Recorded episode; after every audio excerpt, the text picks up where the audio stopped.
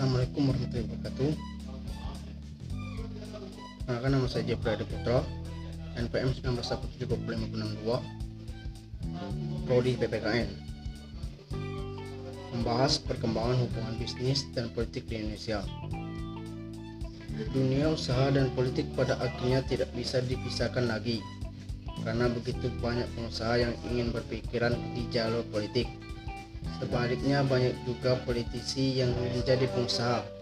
Sistem pemilu dengan suara terbanyak juga telah menjadikan dokumen politik lebih berpihak kepada pemilik kapital dalam hal ini pengusaha.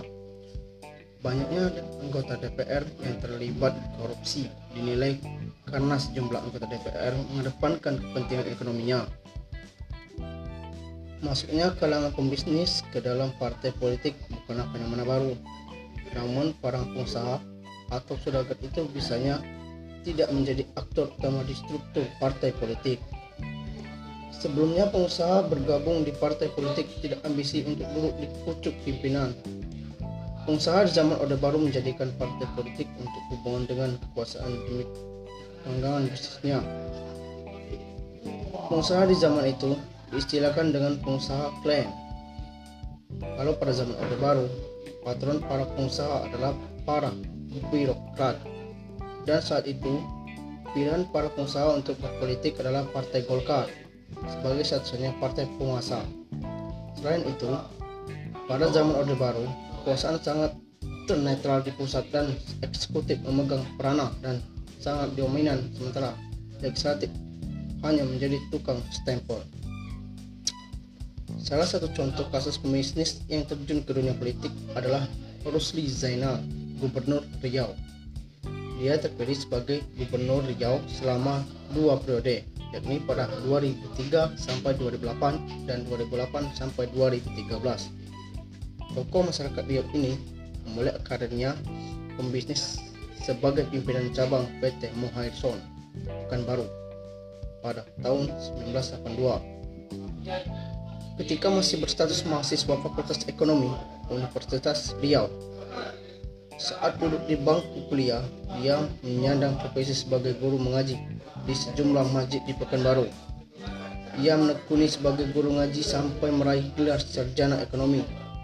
Si termasuk orang yang gigih dan tak mudah menyerah pada keadaan.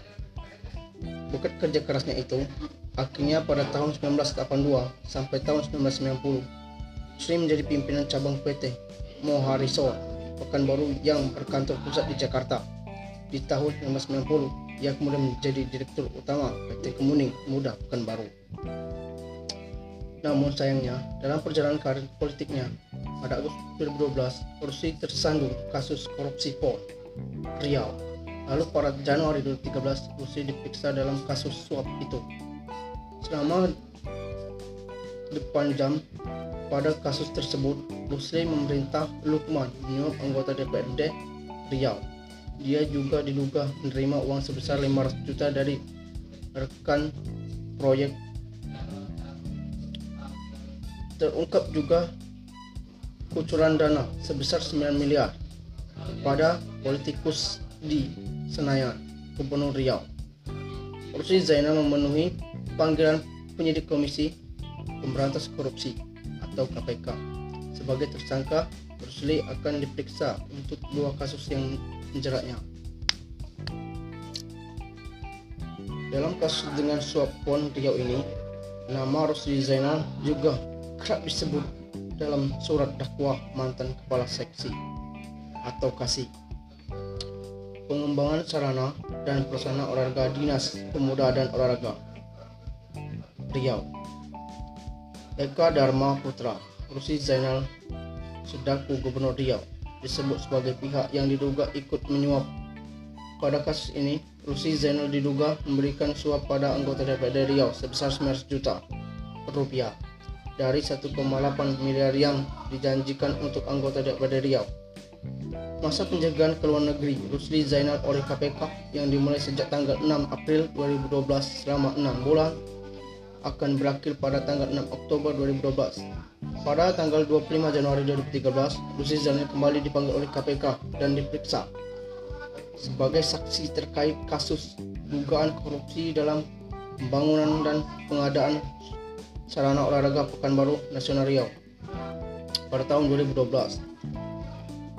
Rusli Zainal ditetapkan sebagai tersangka kasus tidak pidana korupsi terkait perubahan Perda nomor 6 tahun 2010 tentang penambahan anggaran pembangunan pun untuk pelaksanaan Pekan Olahraga Nasional ke-18 di Pekanbaru.